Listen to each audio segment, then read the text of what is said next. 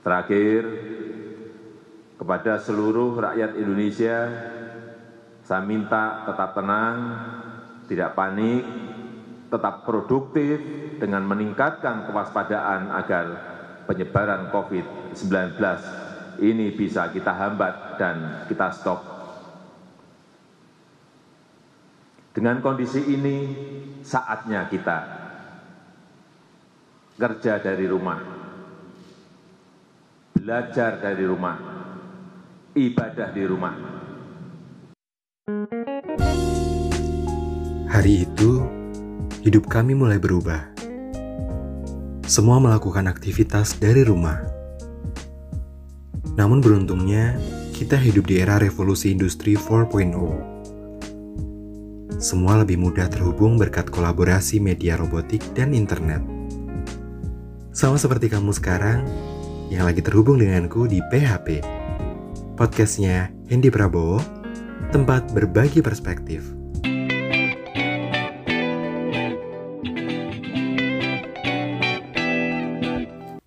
Saat ini kita memang lagi berperang. Namun, perang ini harusnya tidak membuat kita hancur dan rapuh. Karena bukan cuma kamu atau aku, tapi kita seisi bumi sedang berperang sama hal yang nggak bisa kita lihat. Perang ini nggak cuma bikin sakit fisik, namun mental kita juga bisa terluka. Hampir tiap hari kamu dibuat was-was dan waspada sama banyak hal. Dugaan-dugaan muncul. Aduh, jangan-jangan Padahal cuma batuk karena debu. Lebih sering cuci tangan dan parno tiap ketemu orang. Tapi aku nggak boleh nyerah. Ketika aku lengah, aku akan terpuruk oleh pikiranku sendiri. Ini saatnya aku bangkit, menjadi diriku yang tak pernah lelah apa pun kondisinya. Aku pun dipaksa menjadi kreatif. Kalau dulu bebas ngapain aja, sekarang aku bikin jadwal biar hari-hariku nggak bikin bosen. Hal yang aku lakukan pertama dimulai dari mengurangi konsumsi media terkait COVID-19 di media sosial karena nggak mau kepikiran hoax. Karena saat ini pikiran negatif jauh lebih mudah berkembang menguasai diriku daripada hal positif. Aku memutuskan lebih mengupdate informasi dari sumber terpercaya, salah satunya dari situs pemerintahan. Selanjutnya, aku mulai membuat jadwal aku sendiri untuk terus melanjutkan resolusi tahun ini. Karena resolusiku selalu ingin menjadi lebih baik dan mencoba hal baru, aku menantang diriku lewat jadwal kegiatan yang aku buat dengan tantangan baru ini. Mulai terbiasa bangun pagi dan lebih rajin olahraga. Karena ini masa pandemi COVID-19, rasanya imun tubuh harus berkali lipat dari hari biasanya. Hmm, mendengar olahraga, memang kadang rasa mager itu menarik badan kita untuk tidak melakukannya. Tapi aku ingat, aku paling semangat kalau udah dengar musik K-pop. Blackpink, 2NE1, BTS. kalau denger musiknya, aku bakal ingin joget terus tapi gerakannya aku ganti pakai workout ala di rumah yang aku lihat di YouTube. Goalsku di sini sehat. Masalah nanti six pack ya bonus aja sih. Tapi aku fokus untuk rutin dan nggak absen. Seminggu pertama, rasanya berat banget. 5 menit aja, rasanya kayak udah berjam-jam. Tapi sekarang semua aku lakukan dengan mudah. Aku hanya perlu meningkatkan durasinya aja. Gak cuma olahraga fisik, aku juga sering meluangkan waktu untuk diam sejenak sambil menikmati mendengarkan musik meditasi. merasakan nafas yang Tuhan berikan, hingga aku masih bisa merasakan oksigen ini. Hmm, mungkin selama ini aku tak pernah merasakan hal paling berharga ini. Hal yang membuatku bisa meraih mimpi-mimpiku. Rasanya sebagai manusia, aku terlalu rakus ingin semuanya. Selain kuliah online, aku juga meluangkan waktu untuk lebih dekat dengan alam. Sejujurnya, aku dari kecil memang sudah suka dengan alam. Dengan bercocok tanam, menghijaukan pekarangan. Tapi, saat ini aku lebih sering sibuk dengan aktivitas desain grafisku. Aku mulai memanfaatkan sekeliling rumah yang tidak luas untuk menanam sayuran. Proses menanam dari benih, melihatnya tumbuh, hingga dipanen, ada hal terindah yang aku rasakan. Rasanya sebelum pandemi ya sayuran bakal tumbuh begitu aja. Tapi kali ini aku benar-benar merasakan makna hidup yang Tuhan berikan.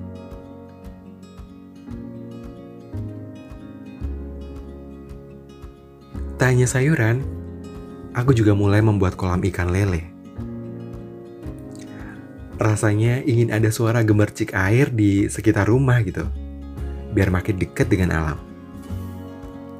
Bahkan ayahku mulai ikut kegiatanku. Ayah mencoba memelihara ayam. Hmm, aku makin sering lihat ayah tersenyum. Aku makin sering lihat ayah tersenyum ketika melihat tutorial di YouTube yang dia coba dan berhasil ayah selalu melakukan eksperimen yang ada di YouTube. Gak cuma kreatif, tapi ayah mulai gak gaptek lagi. Tapi yang bikin aku happy karena kami lebih dekat. Selama ini, kami selalu sibuk dengan aktivitas kami. Dan kini kami begitu dekat. Sesekali cerita masalah kuliah dan ayah selalu mendukungku untuk belajar dengan caraku sendiri. Goalsnya bukan nilai yang bagus. Tapi setelah lulus, aku bisa beradaptasi dengan lingkungan. Belajar untuk menerapkan ilmunya di kehidupanku. Itulah kenapa meski pandemi, aku masih sering mengikuti kegiatan seminar online, pelatihan virtual, kompetisi online. Selain ingin mengenal teman-teman baru yang menginspirasi dan membuatku makin semangat, aku selalu mencoba hal baru untuk tahu passion terkuatku ada di mana. Dan aku ingin kuliahku tidak hanya diisi belajar online, namun banyak cerita indah yang aku ciptakan sebagai mahasiswa. Maha dari siswa yang tidak semua orang bisa merasakan pendidikan ini. Aku tahu, mungkin kamu bosan dengan keadaan ini. Tapi ingat, kamu harus bersyukur masih bisa bersama keluargamu, bukan terbaring di ruang isolasi. Semua terdampak tanpa pandang siapa dia. Rasanya seperti efek domino yang akan menerjang semua lapisan. Tapi semua orang dipaksa bergerak. Mulai berjualan masker, jual hand sanitizer, bahkan jual makanan via online. Dan tak tahu sampai kapan mereka harus terus berinovasi untuk mencukupi kebutuhan mereka. Kamu tidak perlu melakukan yang orang lain lakukan kamu lakukan saja apa yang membuatmu bahagia. Bikin goals dari kegiatan itu. Seolah kamu lagi main games, kamu harus naik level tiap hari. Kalau aku bisa, kamu juga bisa. Karena kita sama-sama manusia. Yuk, lawan rasa malas dengan lebih produktif di rumah. Ayo, sama-sama menjadi lebih kreatif lagi. Dan mari lawan corona dengan menjaga protokol kesehatan. Kalau kamu lagi kesepian, cari aku di PHP dan kita akan terhubung.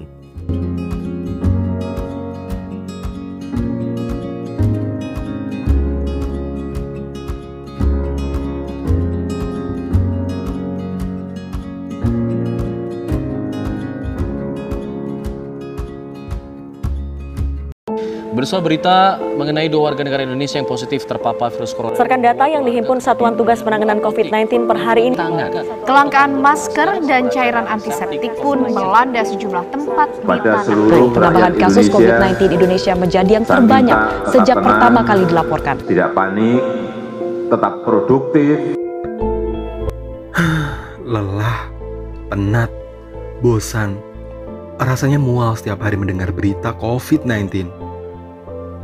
Rasanya kebebasan untuk hidup sesuai dengan diriku dikendalikan oleh hal yang tak terlihat, virus COVID-19, yang sampai saat ini bahkan belum ditemukan obatnya. Tapi, dunia yang telah banyak berubah ini punya banyak solusi untuk segala rasa lelah dan bosan itu. Meski kita harus berjarak, kita tetap bisa maju serentak, bergerak untuk melakukan hal yang kita mau dengan cara yang baru. Karena saat ini kita ada di dunia yang saling terhubung, mau lagi di mana pun, kita bisa saling terhubung dengan mudah. Sama denganmu sekarang yang terhubung denganku di PHP, podcastnya Hendy Prabowo, tempatnya berbagi perspektif.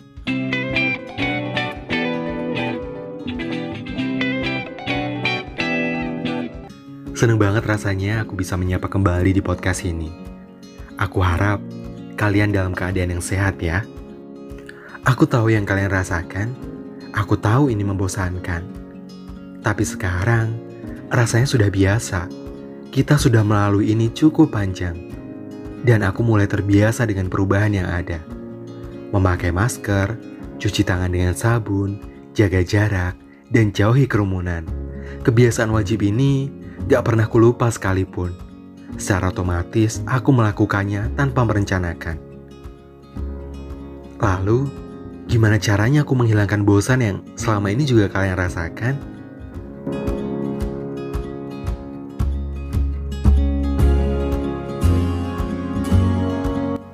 Lebih banyak di rumah, mungkin jika itu aku 15 tahun lalu, rasanya kan baik-baik saja. Ya, 15 tahun yang lalu. Aku menjalani hidup hanya sebagai formalitas. Sekolah, main, di rumah. Ya, layaknya anak-anak di sekitarku kala itu. Tidak tahu mimpi itu apa, tujuan belajar apa. Tidak ada arah tujuan hidup. Tapi rasanya berbeda melihat anak-anak SD zaman sekarang. Mereka sangat kritis, mengeksplor diri akan hal baru, dan banyak yang sudah sukses di usia belasan tahun. Penyesalan memang selalu datang di akhir, karena di awal namanya pendaftaran. Aku ingin bisa memutar waktu, ingin bisa lebih produktif kala itu. Tapi, kalau cuma nyesel dan gak berubah, ya tak akan ada perubahan. Hingga akhirnya, kini aku sudah banyak berubah.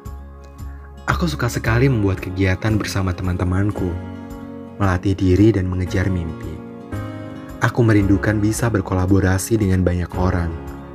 Bagiku, kolaborasi bukan sekedar membuat acara bersama, namun aku juga punya kesempatan belajar membuat acara itu dan belajar ilmu dari orang lain. Pandemi COVID-19 bukan jadi alasan untuk aku berhenti menjadi diriku. Nelson Mandela pernah berkata, "It always seems impossible until it's done." Tapi itu hanya tampaknya.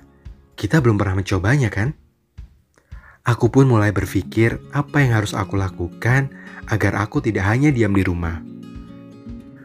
Rasanya memang kadang tak mungkin bisa terus maju, terus produktif, terus berprestasi di kondisi saat ini. Ketika aku mau melihat sekitar, ternyata banyak sekali hal-hal yang mendukung mimpi-mimpiku. Banyak sekali kegiatan secara virtual yang diadakan secara gratis, hingga rasa haus pada informasi dan ilmuku terobati sudah. Lalu sebanyak ini ilmu yang kudapat, apakah harus kusimpan sendiri? Rasanya ingin membagikan apa yang kumiliki. Melihat banyak orang yang pernah mengeluh dalam belajar mandiri, bosan dengan tatanan kehidupan baru, hatiku mulai tergerak untuk bisa menjadi support system untuk mereka. Tak lupa, aku bisa meneruskan ilmu yang aku dapatkan selama ini. Akhirnya, Ada suatu waktu aku berpikir ingin mendapatkan ilmu baru, namun juga dapat memberi perspektif dan semangat untuk banyak orang dan memberikan ruang bagi orang lain untuk berbagi. Ketika ada orang yang masih bisa semangat dan produktif, artinya mereka juga bisa. Tidak hanya membuang waktu untuk mager-mageran, apalagi stalking mantan di Instagram. Aku jadi ingat, ayahku sering bilang padaku akan falsafah bersepeda. Untuk maju, kita sama seperti saat naik sepeda. Harus mampu menjaga keseimbangan tubuh dan pikiran, harus mampu melewati rintangan yang kita lalui, dan harus terus mengayuh untuk sampai ke tujuan. Itulah yang membuatku yakin untuk terus mengayuh sepedaku untuk mencapai mimpiku. Hingga akhirnya, cerita baik menjadi program virtual yang aku hadirkan sebagai perspektif yang bisa dilihat oleh banyak orang agar mereka bisa terus meraih mimpi mereka. Program yang aku buat ini berupa acara live Instagram setiap hari Sabtu yang menghadirkan berbagai tokoh dari berbagai latar belakang. Mulai dari tokoh public speaking untuk sharing ilmunya, mahasiswa yang kuliah dan hidup di luar negeri, bagaimana menjadi mahasiswa mandiri di kampus yang memang berbasis online bahkan sebelum pandemi, hingga seorang pilot wanita yang terus mengejar gelar hukumnya. Jujur, ini hal yang sangat menyenangkan. Aku berkenalan dengan orang-orang baru untuk bisa menjadi narasumber dalam program acaraku. Tak hanya itu, aku mendapatkan ilmu baru dari mereka. Selain aku belajar menjadi host dalam acara ini, aku bisa mengambil banyak hal baru dari orang-orang yang menginspirasi ini. Inilah yang ingin aku bagikan kepada banyak orang yang masih banyak mengeluh dan mager-mageran. Banyak orang berjuang untuk mimpi mereka, Meski kondisi yang berbeda saat ini menjadi tantangan. Aku percaya, mau lagi di mana pun, kita adalah bintang yang selalu punya sinarnya masing-masing. Lewat cerita baik, aku ingin menjadi jembatan bagi mereka yang ingin membagikan ilmu dan pengalamannya dengan mereka yang butuh support atau keyakinan jika mereka juga bisa melakukannya. Cerita baik menjadi pematik bara api di dalam jiwaku semangat untuk terus berprestasi mulai membara. Maka saat ini, aku pun tak hanya berkolaborasi untuk beraksi, namun aku juga terus ingin mengembangkan diriku, melihat potensi diriku lewat berbagai kompetisi. Satu persatu mimpiku terwujud, namun ada pula yang belum. Tapi itu bukan masalah besar. Aku hanya perlu mengasah kemampuanku lebih lagi. Jika orang lain berlatih 10 kali, seenggaknya aku harus 100 kali. Kompetisi adalah ujian untuk melihat seberapa jauh kemampuanku saat ini. Kekalahan dalam setiap kompetisi tak pernah membuatku putus asa. Justru aku bisa bercermin akan setiap kekuranganku yang harus diperbaiki dan menjadi lebih baik di masa depan. Aku selalu percaya setiap manusia itu ibarat benih tanaman yang akan tumbuh berbeda-beda dengan buah, daun, dan bunganya masing-masing. Ketika ia dirawat dengan baik dan benar, maka akan memberikan hasil terbaik. Sama halnya dengan manusia, ia akan tumbuh sesuai passionnya masing-masing jika diarahkan dan dilatih dengan baik. Aku bersyukur benar-benar menyadari setiap proses yang aku jalani. Aku melihat diriku di masa lalu dan diriku saat ini benar-benar jauh berbeda. Di masa lalu, aku tak pernah tahu apa tujuanku hidup. Kini aku jadi yakin pada apa yang ingin kuraih. Namun, semua itu butuh proses. Untuk jatuh, bangkit, belajar, terus mencoba, hingga aku menemukan kuncinya. Tak hanya perubahan akan keberanian untuk mencoba atau prestasi, namun aku banyak belajar akan kehidupan bekal akan mental harus dimiliki. Karena kita tak pernah tahu apa yang akan terjadi dalam perjalanan menuju mimpi-mimpi kita. Sama seperti saat naik sepeda, kita tidak bisa memprediksi jalan seperti apa yang akan kita lalui di depan nanti. Keseringan nonton drakor, aku jadi ingat kutipan dalam drama Korea Startup yang mengatakan, jangan jadikan pendapat orang jadi kenyataan Dalam hal ini, pendapat yang artinya nyinyiran ya. Ketika orang meremehkan kita, jangan jadikan itu menjadi nyata. Namun gimana caranya kamu bisa menggapai impianmu? Kamu tidak menjadi seperti apa yang orang katakan. Ini ceritaku. Aku tahu kamu sudah bisa menebak orang macam apa aku. Kamu tidak harus menjadi sepertiku. Lakukan yang menjadi keyakinanmu dan fokus pada mimpimu. So, untuk mengejar mimpi, untuk menjadi versi dirimu yang lebih baik, mau lagi di mana pun, kamu bisa mewujudkannya karena pasti ada jalan. Kuncinya adalah kamu mau bergerak atau tidak. Ini ceritaku. Cerita bagaimana aku tetap menjadi diriku saat pandemi. Jangan lupa dengerin perspektif lain hanya di PHP, podcastnya Hendy Prabowo, tempatnya berbagi perspektif. Bye-bye.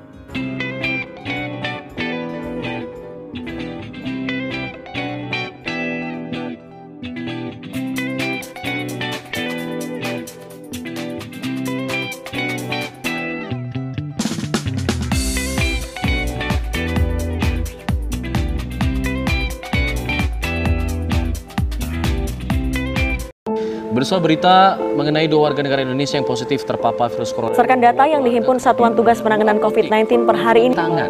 Kelangkaan masker dan cairan antiseptik pun melanda sejumlah tempat di Pada seluruh air. penambahan kasus Indonesia, COVID-19 di Indonesia menjadi yang terbanyak sejak tenang, pertama kali dilaporkan. Tidak panik, tetap produktif, lelah, penat, bosan.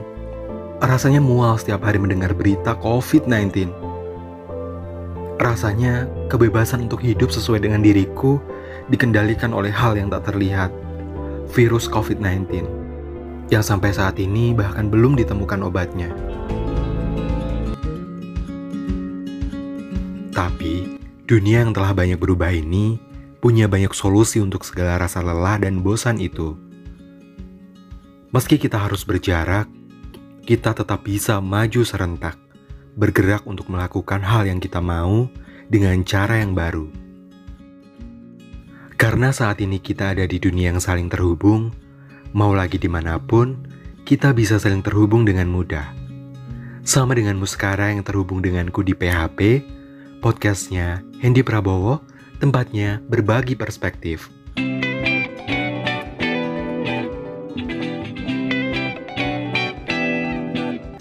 Seneng banget rasanya aku bisa menyapa kembali di podcast ini.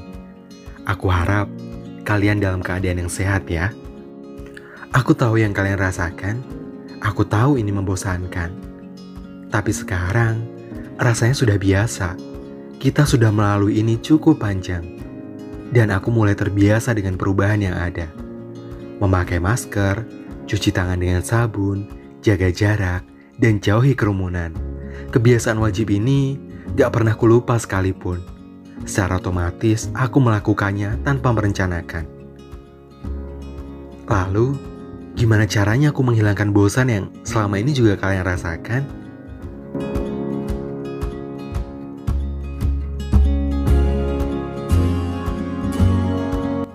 Lebih banyak di rumah, mungkin jika itu aku 15 tahun lalu, rasanya akan baik-baik saja. Ya, 15 tahun yang lalu.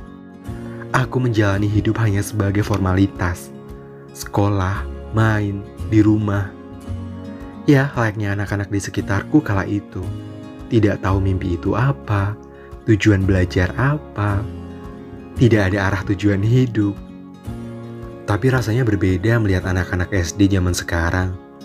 Mereka sangat kritis, mengeksplor diri akan hal baru, dan banyak yang sudah sukses di usia belasan tahun.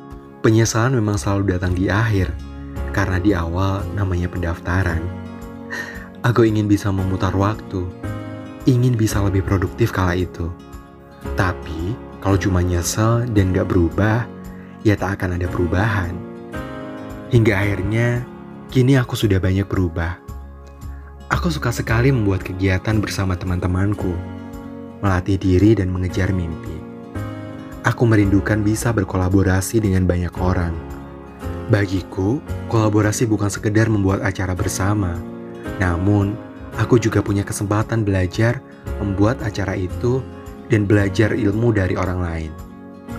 Pandemi COVID-19 bukan jadi alasan untuk aku berhenti menjadi diriku.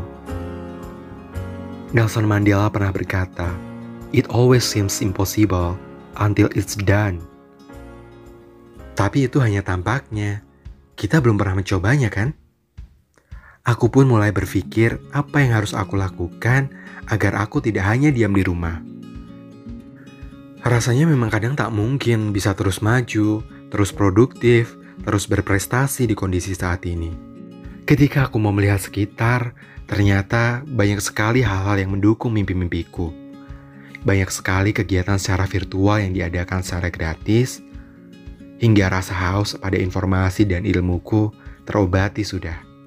Lalu sebanyak ini ilmu yang kudapat, apakah harus kusimpan sendiri? Rasanya ingin membagikan apa yang kumiliki.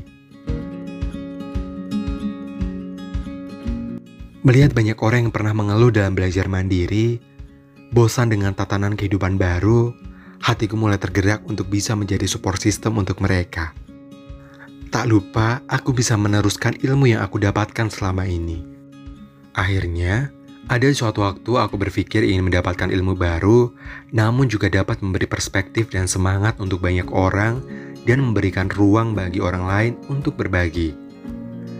Ketika ada orang yang masih bisa semangat dan produktif, artinya mereka juga bisa. Tidak hanya membuang waktu untuk mager-mageran, apalagi stalking mantan di Instagram.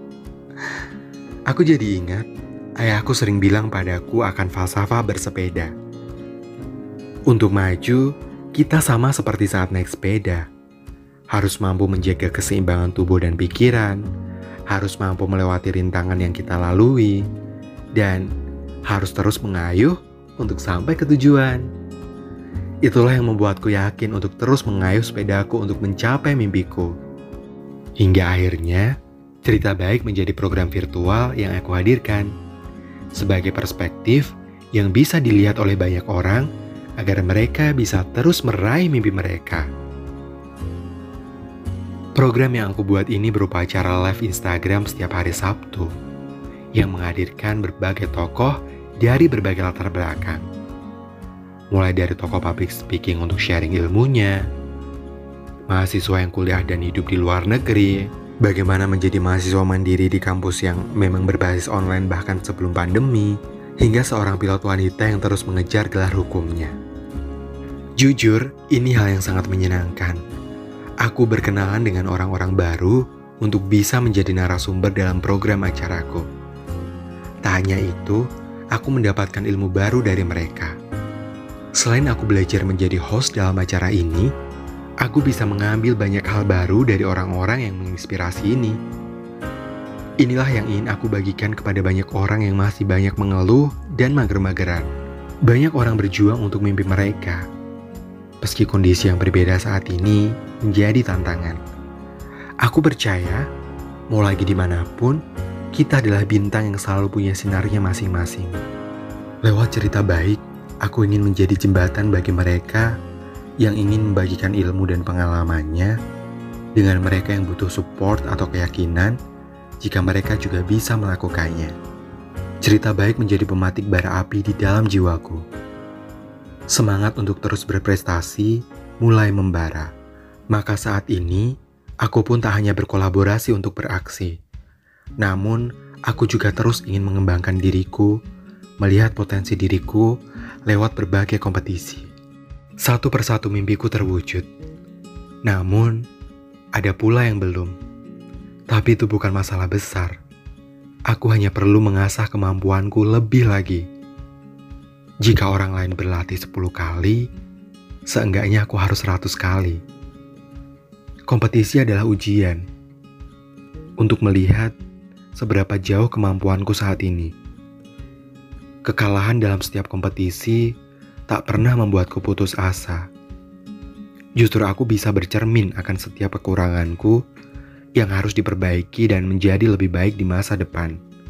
Aku selalu percaya setiap manusia itu ibarat benih tanaman yang akan tumbuh berbeda-beda dengan buah, daun, dan bunganya masing-masing. Ketika ia dirawat dengan baik dan benar, maka akan memberikan hasil terbaik. Sama halnya dengan manusia, ia akan tumbuh sesuai passionnya masing-masing jika diarahkan dan dilatih dengan baik. Aku bersyukur benar-benar menyadari setiap proses yang aku jalani. Aku melihat diriku di masa lalu dan diriku saat ini benar-benar jauh berbeda. Di masa lalu, aku tak pernah tahu apa tujuanku hidup. Kini aku jadi yakin pada apa yang ingin kurai. Namun, semua itu butuh proses. Untuk jatuh, bangkit, belajar, terus mencoba, hingga aku menemukan kuncinya. Tak hanya perubahan akan keberanian untuk mencoba atau prestasi. Namun aku banyak belajar akan kehidupan. Bekal akan mental harus dimiliki karena kita tak pernah tahu apa yang akan terjadi dalam perjalanan menuju mimpi-mimpi kita. Sama seperti saat naik sepeda, kita tidak bisa memprediksi jalan seperti apa yang akan kita lalui di depan nanti.